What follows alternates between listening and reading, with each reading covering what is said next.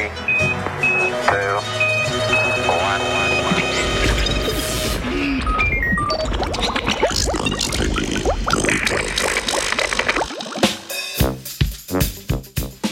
Kaj pa vpliv človeka na razvoj SARS-CoV-2? Epidemije, kot je bila nedavna epidemija virusa SARS-CoV-2, vplivajo na človeški organizem. Poraja pa se vprašanje, ali tudi človeški poskusi za jezitve virusa, kot so izolacija in zaprtja, krojijo njegovo evolucijo. Nedavno se je s tem vprašanjem ukvarjala tudi mednarodna znanstvena skupina. Njena raziskava, objavljena v reviji Nature Communications, je nakazala povezavo med ukrepi za obvladovanje epidemije COVID-19 in spremembami v obnašanju virusa SARS-CoV-2. Ugotovili so, da se je od začetka epidemije do danes povprečni čas trajanja okužbe skrajšal, virusno breme pa povečalo.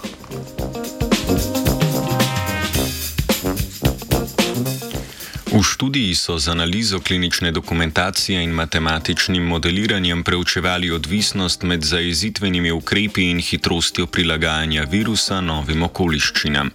Podatke so pridobili v podatkovnih bazah, kot sta PubMed in Google učenjak. Ena izmed spremenljivk, ki so jih opazovali, je bilo virusno breme. Gre za merilo okužbe, ki opredeljuje količino virusnega genetskega materijala v posameznikovi krvi. V predhodnih raziskavah, na katerih temeljijo izračuni in ugotovitve omenjene analize, so virusno breme izmerili v brisih vzetih iz zgornjega dela dihal. Raziskovalna skupina je ugotovila, da je breme pri različici Delta, ki se je razširila leta 2020, za petkrat preseglo izvorno vuhansko različico. Kot enega od možnih vzrokov razlike raziskovalna skupina navaja selekcijski pritisk zajezitvenih ukrepov na virus. Postopoma se je virus namreč okrepil, virusno breme se je torej povečalo. Thank you. Nadalje so ugotovili, da je bilo pri kasnejših sevih, kot sta denimo beta in delta, maksimalno virusno breme izmerjeno bolj zgodaj v razvoju bolezni.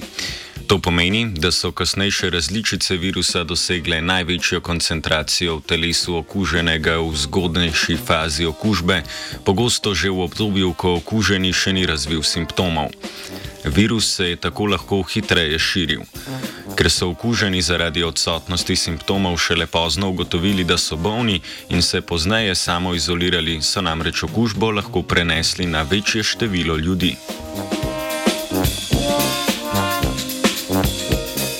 Z evolucijskim razvojem virusa se je skrajšala tudi inkubacijska doba.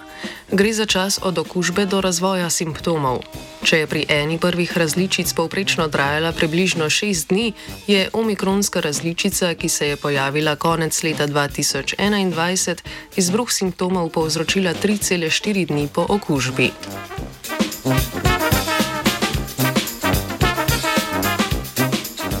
Znanstvena skupina ugotavlja, da se kljub vedno zgodnejšemu in vidnejšemu virusnemu bremenu, ki ga opazimo pri različicah od alfa do delte, najnovejše različice ne krepijo v resnosti okužbe.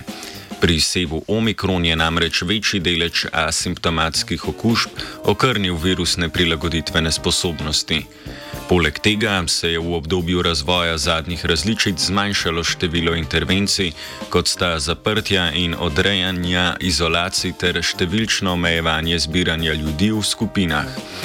Tako omikron ni bil več podvržen tako močnemu selekcijskemu pritisku kot njegove predhodnice.